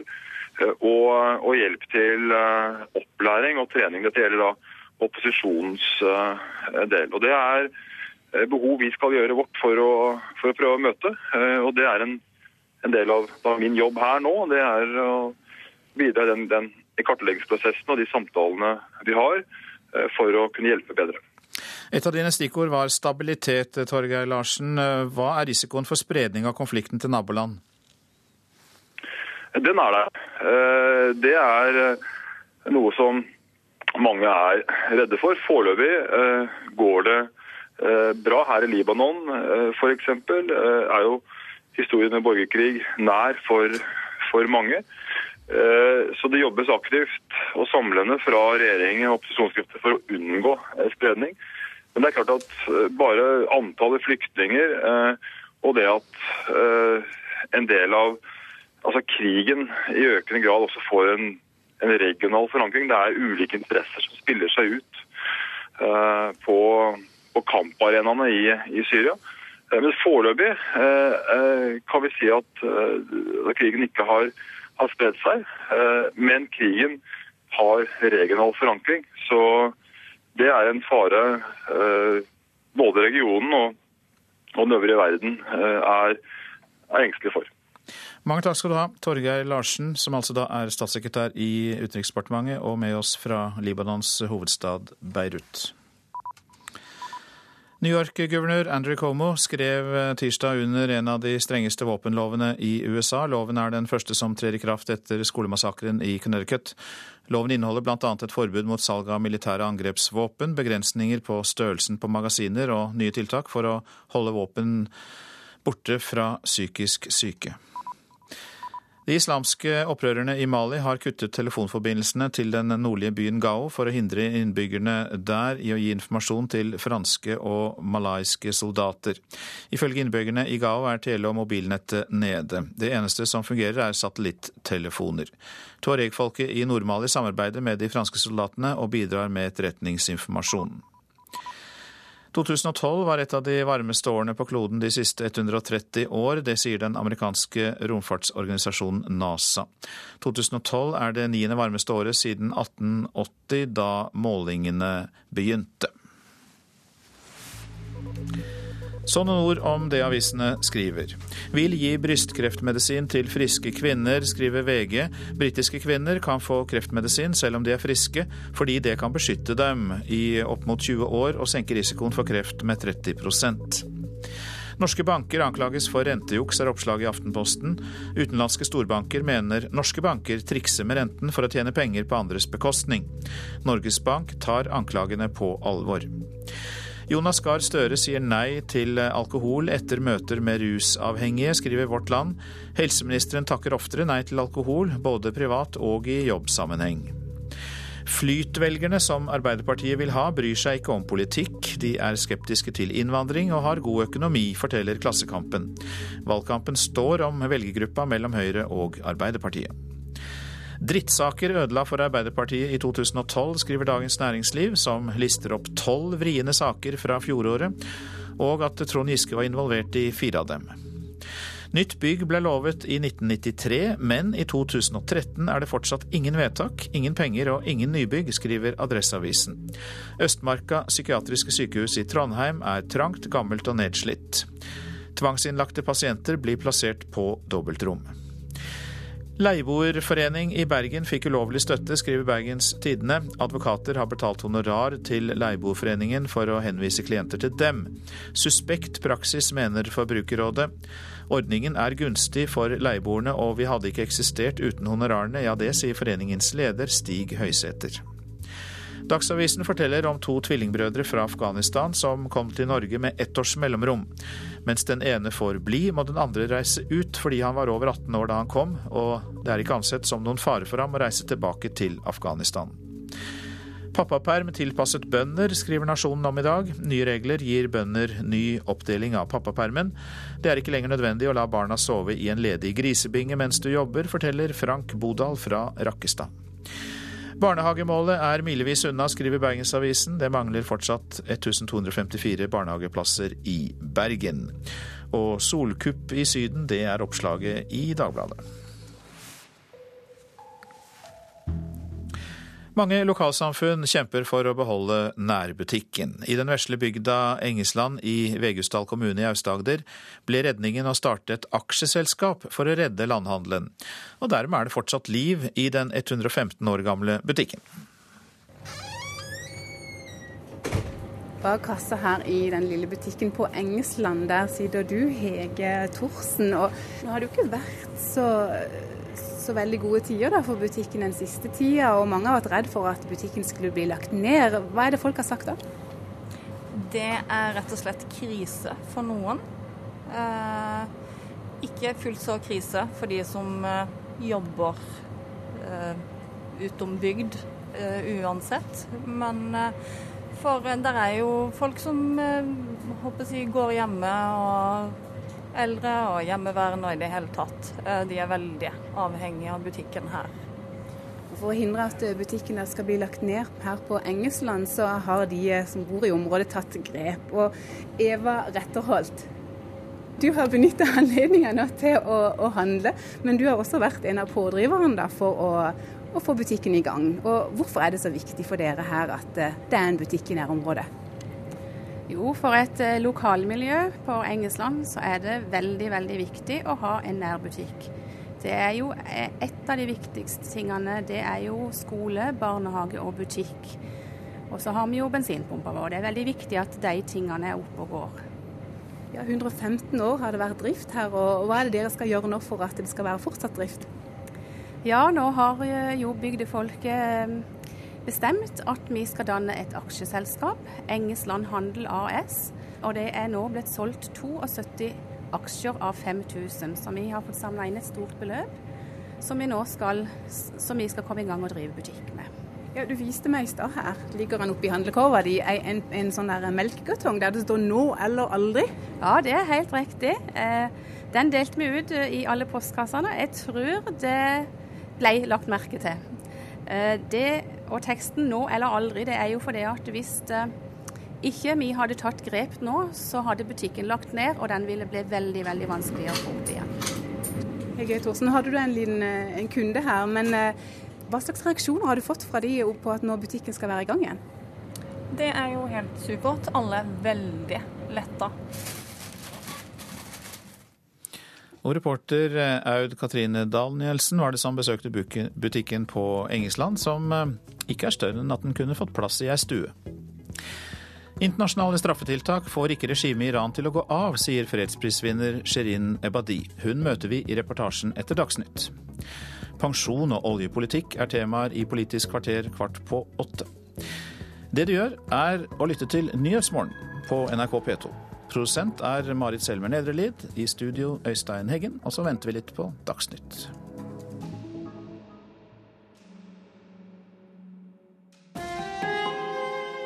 Hør ekko.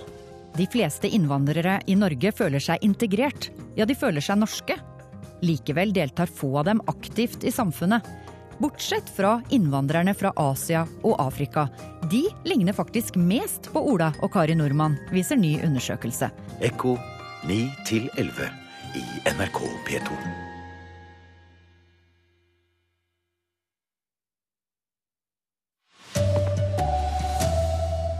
Superfly fra Boeing er satt på bakken i Japan etter flere problem. En Dreamliner måtte naulande i natt. Oljeministeren går mot regjeringa, vil bore etter olje i Lofoten alt til høsten. Og i dag får Norge en ny fotballproff. Her er NRK Dagsnytt, klokka er 7.30. De to største flyselskapene i Japan har sett alle de nye Dreamliner-flyene på bakken. Det skjer etter at et passasjerfly måtte naulande i natt pga. røykutvikling. Naulandinga er den siste i rekka av problem med det nye superflyet til Boeing.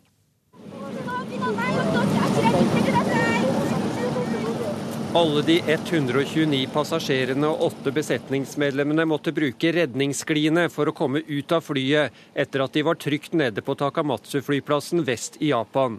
Flyet av typen Dreamliner 787 var på vei til Tokyo da instrumenter oppdaget røyk. Røykutviklingen skal skyldes problemer med et batteri. Flyselskapet All Nippon Airways, som eier flyet som måtte nødlande i natt, setter alle sine 17 Dreamliner-fly på bakken for en sikkerhetssjekk. Det gjør også Japan Airlines med sine sju fly. Japanske transportmyndigheter sier røykutviklingen og nødlandingen var en alvorlig hendelse som kunne ha ført til en ulykke. De siste dagene har det vært flere episoder med Boeings nye superfly, sprekk i en cockpitrute, oljelekkasje, batteribrann og ulike dataproblemer.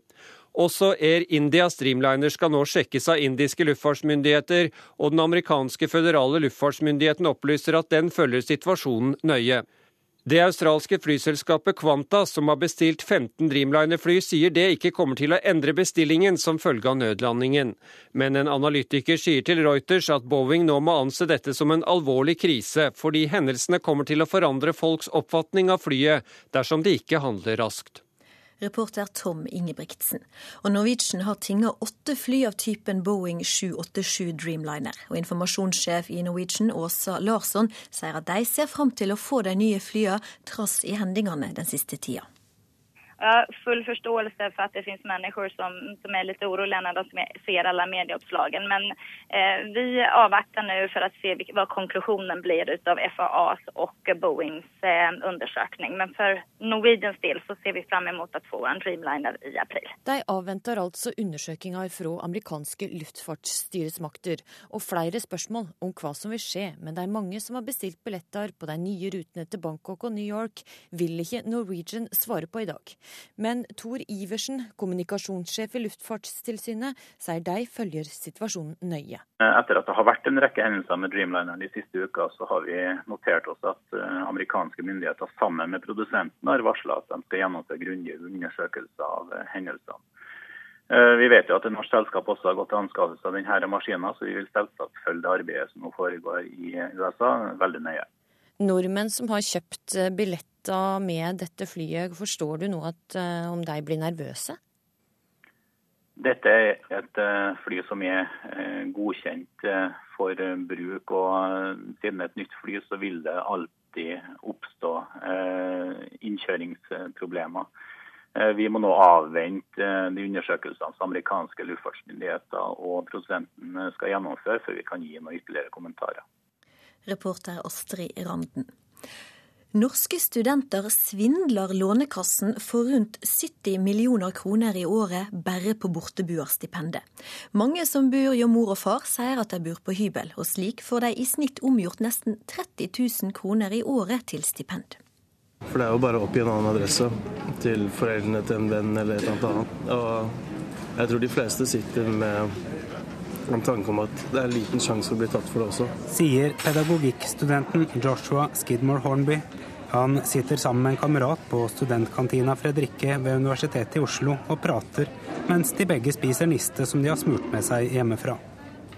Likevel er ikke studenttilværelsen så fattigslig at det er nødvendig å jukse, mener han. Nei, ikke det hele tatt. Og hvis du bor hjemme hos foreldrene dine, så får du sannsynligvis gratis mat og alt mulig, og da har du i hvert fall ikke behov for å gjøre det. 1000 studenter ble kontrollert i fjor. Av dem var det 45 som ikke kunne dokumentere at de bodde borte, Direktør Marianne Andreassen i Lånekassa sier det er viktig å avsløre jukset av to årsaker. Problemet er jo da at de forsyner seg av offentlige midler.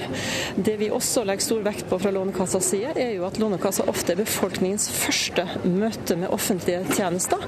Og Derfor er vi spesielt eh, opptatt av dette, at unge mennesker eh, ikke skal ha sitt første møte med offentlige tjenester med å jukse. På studentkantina Fredrikke er litteraturstudent Ane Nilsen enig i at det er greit at jukserne blir tatt. Det er jo ikke sånn at man ruller seg i luksus med de pengene man får fra Lånekassa. Så det er jo litt dumt at noen på en måte snylter på det, da. Reporter Arild Svalbjørg.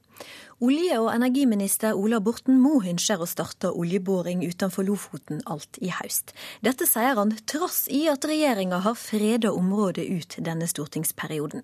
Nå må Moe roe seg ned og forstå at han ikke kan komme med personlige meninger i ei så omstridt sak, sier Snorre Valen fra SV. Jeg foreslår å gå videre i et område som denne regjeringa har valgt å eh, ikke gå videre i nå. Når kan en begynne? Neste stortingsperiode vil da kunne være mulig, og den eh, starter som kjent eh, mot slutten av dette året. Borten Moe vil ikke bore i hele det omstridte området, bare i deler av det. Det kommer ikke på tale, svarer Snorre Valen i SV, som mener oljeministeren må roe seg ned.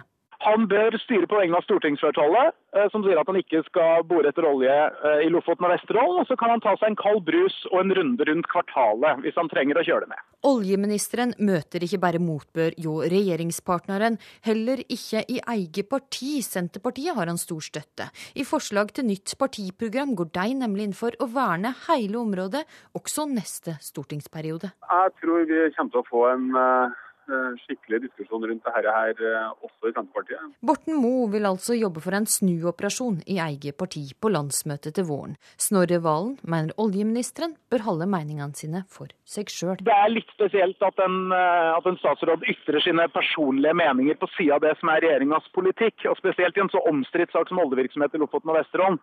Regjeringa og Stortinget har bestemt at vi ikke skal bore etter olje der, og da forutsetter jeg at alle statsrådene står inne for det sa Snorre Valen til reporter Astrid Randen. Arbeidere har jobba i hele natt med å rydde opp etter massekollisjonen i Sør-Sverige.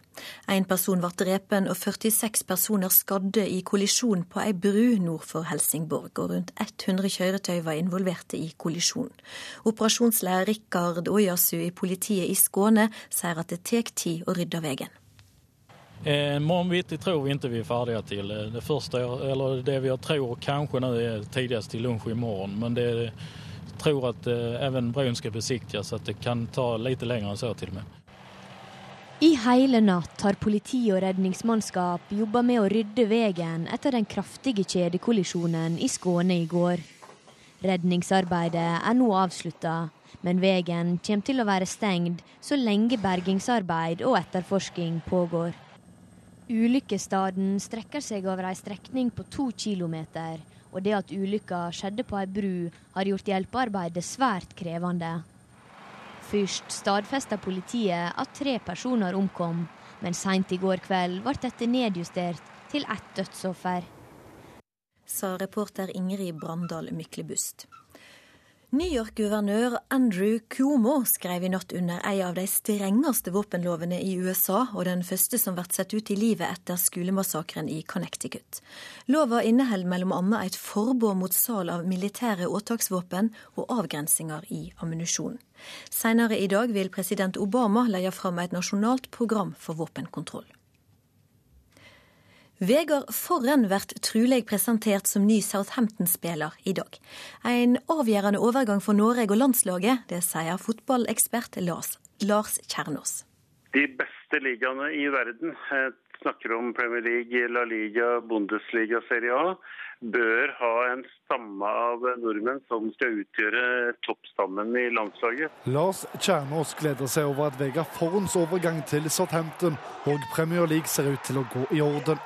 Fotballeksperten har lenge etterlyst flere norske spillere på det ypperste nivået i europeisk klubbfotball. Det er helt avgjørende etter min mening for at uh, landslaget på sikt skal kunne utvikle seg til å bli det vi ønsker at det skal være, og ha en sjanse til å kvalifisere seg til Brasil. Hvis nå Foren kommer og får den spilletiden jeg håper og tror han får, så er det glitrende for Drillos landslag også. Sa fotballekspert Lars Kjernås til reporter Oddbjørn Visnes. Bjørn Christian Jacobsen har ansvaret for Dagsnytt-sendingene denne morgenen. Hans Ole Hummelvold har teknisk ansvar, og i studio Ragnhild Bjørge.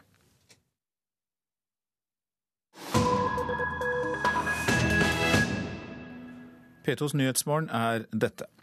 De amerikanske og europeiske sanksjonene mot Iran vil ikke få regimet til å gå av. Det kan bare det iranske folket klare, og de merker de internasjonale straffetiltakene på kroppen. Det sier fredsprisvinner Shirin Ebadi, som er i Norge for å delta på en konferanse. این تحریم ها باعث شده که مردم فقیرتر بشن Sanksjonene har gjort folk fattigere. Matvareprisene i Iran er veldig høye nå, svarer Shirin Ebadi da jeg spør om hvilke konsekvenser sanksjonene har for vanlige familier. Det er ingen tvil. Sanksjonene har store konsekvenser for Irans økonomi. Oljeeksporten er ned med om lag 60% Rederier får ikke forsikret tankskip. Industrien får ikke tak i reservedeler. Og den iranske valutaen, rial, er devaluert trass i løfter om at det ikke kom til å skje. Prisene på importerte varer har eksplodert. Hva mener så innbyggerne i landet at regjeringen bør gjøre? مردم معتقد هستن که حکومت بایستی غنیسازی رو متوقف بکنه De og jeg mener at regjeringen bør stanse anriking av uran, slik at sanksjonene ikke rammer deres liv, svarer fredsprisvinner Shirin Ebadi. Den iranske juristen og menneskerettighetsforkjemperen er i Oslo for å delta på en kvinnekonferanse om reformering av islam. Hun er altså tilhenger av sanksjonspolitikken, selv om flere tiår med amerikanske og nå flere år med europeiske straffetiltak ikke har fått myndighetene til å etterkomme kravet om å stanse anriking av uran. Det internasjonale atomenergibyrået er også bekymret, og Israels ledere har flere ganger luftet planer om angrep. Men Ebadi misliker at sanksjonene i så stor grad rammer folket.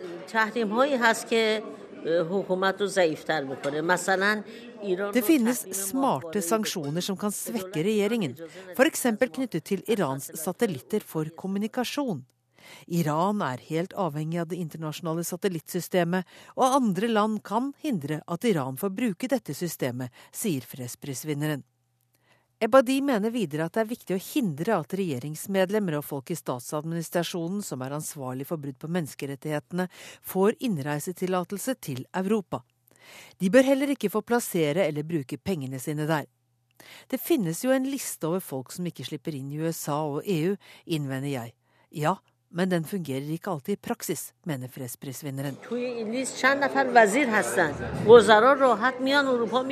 Blant folk på denne listen er Irans innenriksminister, men han har reist fritt rundt i Europa for ikke lenge siden. Det har også utenriksministeren. Hvorfor tillater dere dem å reise rundt, spør Ebadi retorisk, vel vitende om at det ikke er opp til en NRK-journalist å svare på det spørsmålet. I vestlige hovedsteder sitter det mange med et vagt håp om at det sanksjonspinte folket vil reise seg mot sine autoritære ledere og kreve regimeendring. Nei, regimet kommer ikke til å bli kastet som følge av sanksjonene.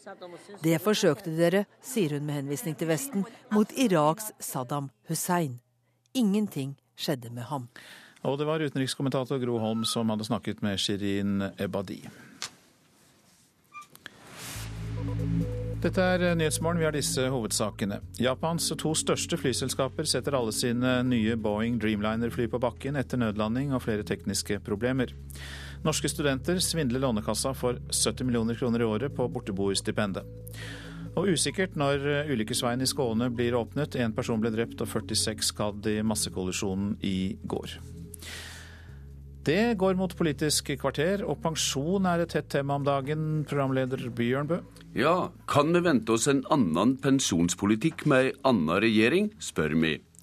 Og så vil SV ha strengere etiske regler for norsk oljevirksomhet.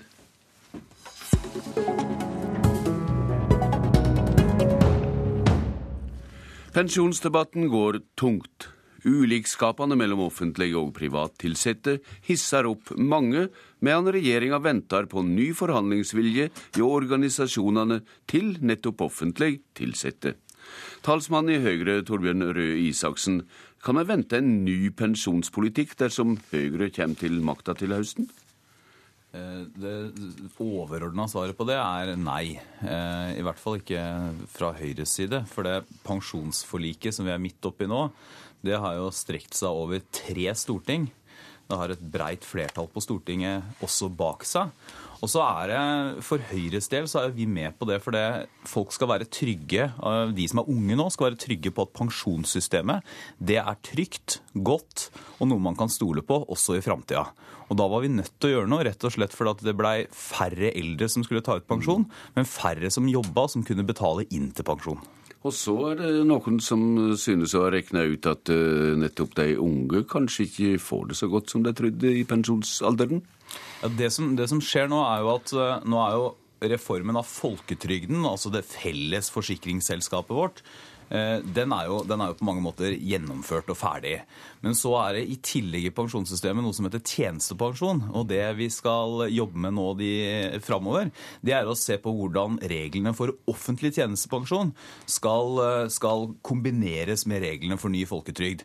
Og så skal vi samtidig, da håper jo, håper jo Høyre at vi kan få til en ny avtale, sånn at man får en større harmonisering mellom pensjonssystemene i offentlig og privat sektor. Både fordi dagens system i offentlig sektor har noen ulemper for arbeidstakerne, bl.a. får de ikke den fleksibiliteten som mange i privat sektor har. Men også fordi at eh, det skaper noen problemer f.eks. hvis folk har lyst til å bytte jobb. Det er jo ikke sånn lenger at bare fordi man har en jobb i det offentlige, så blir man der i 40 år. Det kan hende man har lyst på noe å gjøre i det private. Men eh, da eh, synes jeg at jeg kan oppsummere at Høyre har ei avventende holdning, omtrent som den nåværende regjeringa har? Ja, Vi er jo med i pensjonsforliket, og så har det vært viktig for oss å si at uh, vi respekterer det som er framforhandla avtaler mellom partene. Og pensjonssystemet i offentlig sektor det er også et resultat av fremforhandla avtaler. Det er bl.a.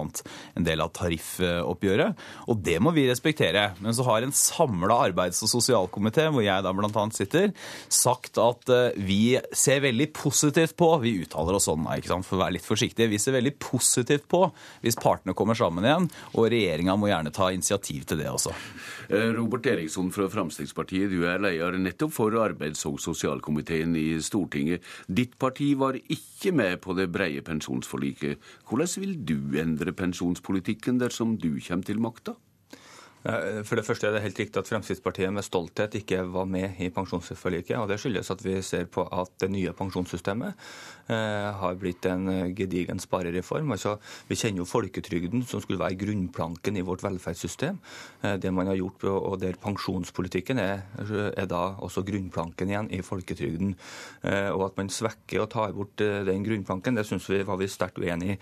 Og så registrerer vi at det er bare Fremskrittspartiet som står for den politikken. Og, og at uh, når vi skal da inn i en ny regjering sammen med Høyre, så er iallfall Fremskrittspartiet opptatt av at man kan endre de største urettferdighetene i, dagens, i den nye pensjonspolitikken. Uh, og dem som virkelig blir skadelidende her, det er jo for det første det er ungdom. Eh, som ikke får det ut i pensjon, det de betaler inn, spesielt i offentlig sektor, der den bruttogarantiordninga som ble fremforhandla, er egentlig en stor vits for norsk ungdom.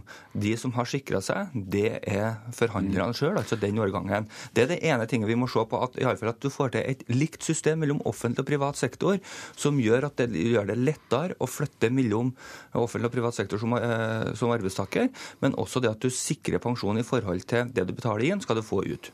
Respektere avtaler, sa Røe Isaksen der. Du Eriksson, du har sagt at politikerne må gå inn og ta ansvar gjøre det diktering av til dømmes likskap mellom offentlige og private pensjoner? Nei, jeg sier det at vi har, I trepartssamarbeid så har vi tre parter. Eh, der har vi både arbeidsgiverne, arbeidstakerne og vi har eh, politikerne, altså offentlige eh, myndigheter. Mm. Og Da er det også opp til, til offentlige myndigheter å sette seg i førersetet når vi ser at her har det kommet opp såpass sterke utilsikta virkninger som ikke er ønskelig, som gjør at norsk ungdom blir de store taperne. Og vi ser at både LO Stat Akademikerne, YS, Flere av fagforeningene peker på akkurat det samme. Arbeidsgiversida er klar, store deler av arbeidstakersida er klar. Da bør offentlige myndigheter sette seg i førersetet og ta det nødvendige initiativet. Ikke sette seg i godstolen hjem og vente på at Roar Flåten skal banke på døra. Røe Isaksen, i hva grad har det en pensjonsknute å løse opp der som det skal regjere sammen med Frp? Du hører en utålmodig Eriksson her. Ja, ja, men jeg hører egentlig at, eh, at, eh, Robert sier det samme som det jeg sier. Mm. Nemlig, at, eh, nemlig at, det er Altså, man kan ikke man kan, Det er klart at staten skal ha en mening som en part i et eh, trepartssamarbeid. Men det er både fordi det er ikke rent faktisk mulig. altså Staten kan ikke ensidig diktere vilkårene med sine ansatte. Eh, det tror jeg alle er enige om. Vi er for at man skal ha frie forhandlinger på de områdene det gjelder. Eh, og, og fordi at man burde ha et mål, minstemål av respekt for en inngått avtale, selv om man ikke er helt fornøyd med resultatet. Så, så betyr jo ikke det at ikke det er et mål for faktisk hele det politiske Norge at man skal ha en større harmonisering mellom pensjonssystemet pensjonssystemene i offentlig og privat sektor. Og Det er også viktig, for at pensjonsreformen skal gjennomføres fullt og helt, også for de offentlig ansatte. Og Det er viktig også for legitimiteten og tryggheten til pensjonene i de privat sektor. Men så er det jo sånn at, eh, at Frp var, var, mot pensjonsreformen. Og jeg, ikke, jeg kan ikke gå inn og avlyse Frp sin politikk på noe som helst måte. Det eneste jeg kan konstatere, det er det samme som Robert sier, nemlig at eh, det er et bredt flertall mm. bak pensjonsforliket på Stortinget. Det arbeidet har strekt seg over over tre stortingsperioder. Og det er klart at det å gå tilbake, eller se for seg at man skal gå tilbake til det systemet vi hadde, det er, tror jeg ikke mulig, altså. Det, og det tror jeg nesten alle er enig i. Men Eriksson, du er mer utholdsom? Jeg er mer eh, utålmodig, og det skyldes eh, bl.a. det at eh, min og Torbjørns generasjon vil få 51 000 mindre i pensjon enn de som satt og forhandla fram den nye offentlige tjenestepensjonen. Hvis jeg har fått, kunne hatt en påslagsmodell og betalt inn sjøl og fått ut i samsvar med det jeg betaler inn, så hadde jeg ville kanskje sitte igjen med, med, med, med 65 av, av sluttlønna mi. Nesten det samme. Og da må vi kunne se på de mulighetene for å få til. Men, men, også, også er det det en, en, altså, og det, det, det, Robert sier nå, er jo viktig mm. for alle, som, alle der ute som er fagorganiserte og har en jobb i offentlig sektor. Så er det jo veldig mange av de som burde kikke på hva de faktisk kunne fått med en alternativ pensjonsmodell. Rett og slett fordi at f.eks. hvis du står i jobb fram til 67, så er det ikke gitt at dagens system er spesielt gunstig for deg. Eriksson, i hva grad mener det at det kan lokke velgere med dykkerpensjonsstandpunkt og utholdsemd? For å si det sånn, Fremskrittspartiet har en, et, en grunnleggende politikk som er opptatt av å ivareta folks opptjente pensjonsrettigheter. Vi er mm. opptatt av å ivareta grunnplanken i folketrygden og vårt velferdssystem. Ja, Men det er vel alle? Ja, men Da må man også være villig da, til å sikre at man får utbetalt det i samsvar med det man betaler inn. Eh, så de velgerne som er opptatt av en, et, parti som har offensiv eh, pensjonspolitikk, villig til å ivareta deres rettigheter på en god måte, bør stemme Fremskrittspartiet. De som ønsker å få fjerna mm. avkortinga for gifte og samboende pensjonister, bør stemme Fremskrittspartiet. Mm. Men da, da, må man jo også si noe, altså man må jo også forholde seg til at eh, pensjonsforliket er bredt på Stortinget. Alle partier er med, unntatt Fremskrittspartiet. Og bare for å si det, alle kommer til å få økt pensjon også i framtida. Så det kan de som hører på, være trygge på. Da sier vi takk til dere i denne omgang. Det er valg i september, og vi skal høre mye om pensjon også før den tid.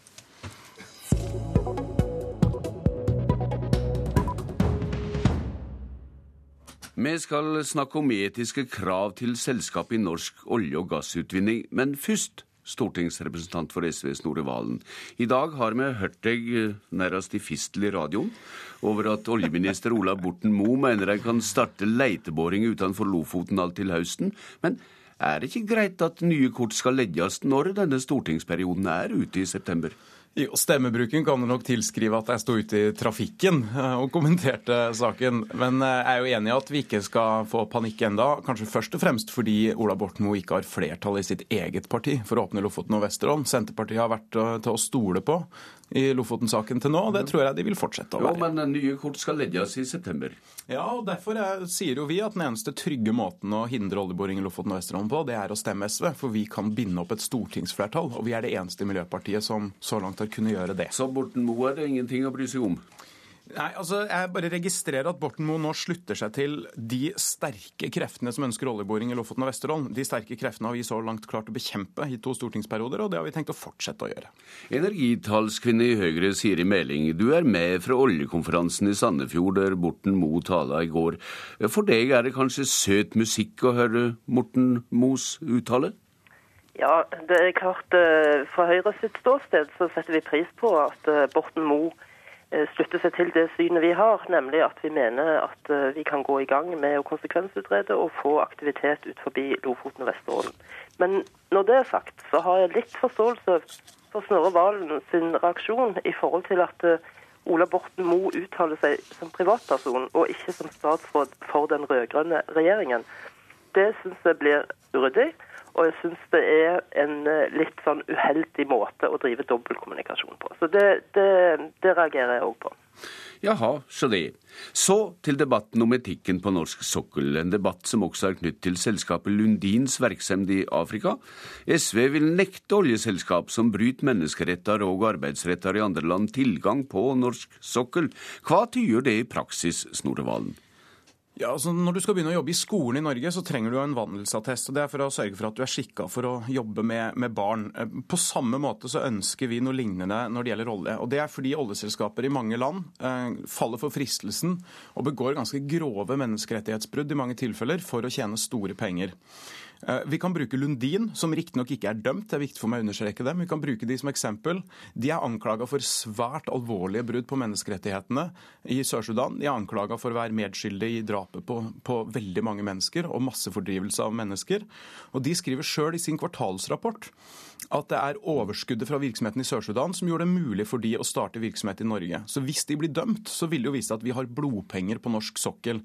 Og det jeg kunne tenke meg da, er enten en internasjonal struktur i FN, eh, eller at vi legger domfellelser i andre land til grunn. Og så sier vi at selskapet som er dømt for alvorlige brudd på menneskerettighetene, ikke skal få lov til å drive oljevirksomhet i Norge. For da disiplinerer vi også oljebransjen Og strenge norske forskrifter. Ja, selvfølgelig. Siri Meling, fremdeles fra Høyre. Hvor god er Snorre Valens tanke om forskrifter? Ja, jeg har først lyst til å si at Vi fra Høyres side er opptatt av at menneskerettigheter skal respekteres fra, fra ulike selskaper også.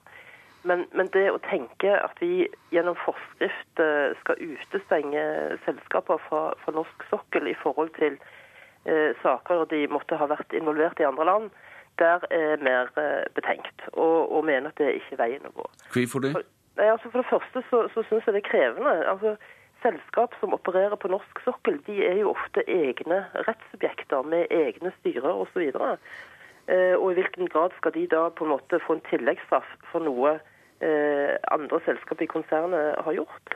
Og så er det, lever vi heldigvis i en rettsstat, og, og som Snorre Valen påpeker, det at du er beskyldt for noe, betyr ikke at du er dømt for noe. Og flere selskaper på sokkelen har vært beskyldt for forhold. Det har jo bl.a. vårt uh, eget selskap uh, Statoil. Og, og, og, blir du dømt, så skal du òg ta din straff uh, for dette. Men det å på en måte utestenge aktører som en form for, for tilleggsstraff, syns jeg blir uheldig. Så... Og Det siste poenget er at jeg mener det bidrar til å skape lite forutsigbarhet eh, for selskapene på sokkelen. Og den stabiliteten og forutsigbarheten vi gjennom politiske rammebetingelser har lagt, er, er noe av det største konkurransefortrinnet norsk sokkel har i forhold til andre deler av verden. Valen, vil du hive, opp, hive ut årsak eh, selskap som alt eh, har eh, virksomhet på norsk sokkel? Nei, jeg syns ikke at lover med tilbakevirkende kraft er noe særlig stas. Så det jeg snakker om, er jo muligheten til å få tildelt nye lisenser på norsk sokkel, og vi tildeler ofte lisenser. Eh, jeg synes argumentasjonen fra Høyre er identisk med det vi hørte første gang SV foreslo etiske retningslinjer for oljefondet. Det var vondt og vanskelig, det var ikke mulig å gjøre, og det var byråkratisk. Jeg tror alle er glad i dag for at vi gjorde det eh, likevel. Og oljeselskapene som opererer i Norge er jo ikke egne selskaper i større grad enn at penger fra Lundin sin virksomhet i Sør-Sudan har funnet veien til oljeeventyret i Norge. Og det, sånn kan vi ikke ha det hvis det viser seg at de er skyldige. Eh, Siri Meling, alle er samde om at det skal være et høyt etisk nivå på norsk sokkel. Hva er ditt svar? Svar på SVs krav eh, og det Valen sier nå under den synsvinkelen? Altså, jeg mener at eh, problemstillingen er veldig ulik på norsk sokkel og i pensjonsfond utland. Fordi at Pensjonsfondet det går mm. inn på eiersiden i ulike selskaper på vegne av det norske folk. Og det er klart at Der skal vi ha etiske retningslinjer i forhold til hvilke selskap vi selv velger å gå inn på eiersiden på. Men det er en stor forskjell fra det å operere på, på vi må stanse etikkdebatten i denne omgang, diverre. Nå er Politisk kvarter slutt. Jeg heter Bjørn Bø. Hør Kulturhuset. Hvem har bestemt at ikke kråke kan være en trendy delikatesse? Gjennom sitt kunstprosjekt ønsker Tove Kommedal å servere både ubehagelig kunst og lekre kråkeretter. For kråker er ålreite dyr. Kulturhuset i dag klokken 14 på P2.